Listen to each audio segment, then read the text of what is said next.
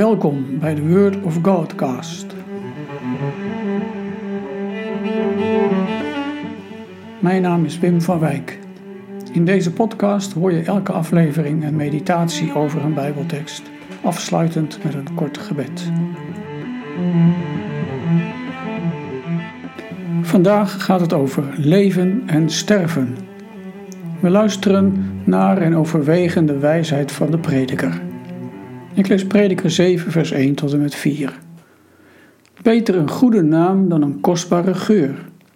De dag waarop je sterft is beter dan de dag waarop je wordt geboren. Het is beter dat je naar een huis vol rouw gaat dan naar een huis vol feestrumoer. Want in een huis vol rouw eindigt iedereen. Dat nemen ieder mens zijn leven lang ter harte. Je kunt beter droevig zijn dan vrolijk, want bij een droevig gezicht maakt het hart het goed. De gedachten van de wijze verkeren in een huis vol rouw, die van de dwaas in een huis vol plezier. Tot zover prediker. Stel jezelf eens de vraag: hoe zou ik willen dat er op mijn begrafenis over mij gesproken wordt? Welke typering zou ik graag gebruikt willen zien? Dat is best confronterend, zo'n vraag, vind ik. Wat zou ik willen dat er dan over mij gezegd wordt? Prediker wil ons een paar wijsheden meegeven die gaan over het leven en over sterven. De dood is beter dan het leven, zegt hij. Daar gaat het om in de versen die we lazen. Beter een goede naam dan een kostbare geur. Beter je sterfdag dan je geboortedag. Beter een huis van rouw dan het rumoer van een feest. Beter is het om droevig te zijn dan vrolijk. Wat vind je van die wijsheden? Zijn ze niet wat wrang of zwartgallig en zuur? Is dat nou een gelovige manier van in het leven staan? Wij zouden deze keuzes van prediker liever omkeren. Liever langer leven dan te moeten sterven. Sterven stellen we zo ver mogelijk uit, voor zover we dat kunnen. Liever naar een feestje, daar ben je altijd voor te porren. Een begrafenis komt altijd ongelegen. Liever blij en uitgelaten dan een bedroefde sfeer of een neerslachtige stemming. Maar toch, laten we niet al te snel de oren sluiten voor de prediker. Kunnen we zijn wijsheden ons eigen maken, of minstens de redelijkheid ervan inzien? Het besef dat je leven eindig is. Psalm 39 zegt het zo: Geef mij weet van mijn einde, Heer, van de maat van mijn levensdagen. Laat mij weten hoe vergankelijk ik ben. U maakte mijn dagen een handbreed lang, mijn levensduur is niets in uw ogen. Niet meer dan lucht is het bestaan van een mens, niet meer dan een schaduw zijn levenspad.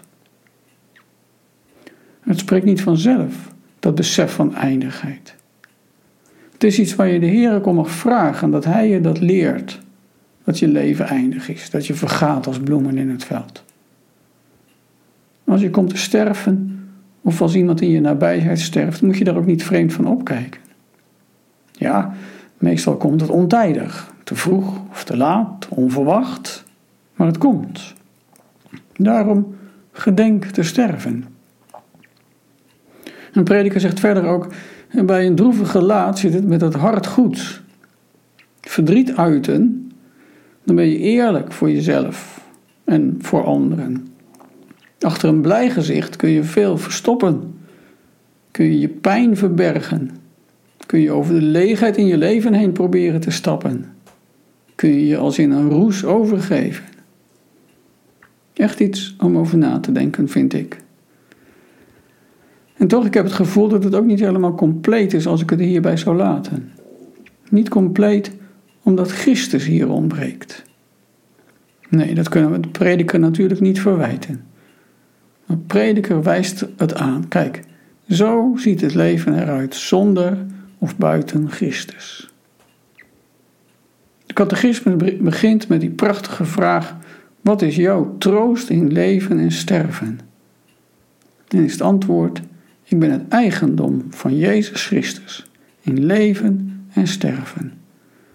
Die troost heft de zwaarte van het leven op die troost draagt de zwaarte van het sterven licht weg. Met het oog op Christus kun je met een gerust hart naar een sterfhuis gaan, meelijden en meeleven met wie in rouw zijn. Met het oog op Christus kun je het leven aan en je eigen eindigheid onder ogen zien. Want Gods goedheid is meer, groter, breder, dieper dan het leven en sterker dan de dood. Ter afsluiting een vraag. Hoe ga jij om met het besef van jouw eindigheid?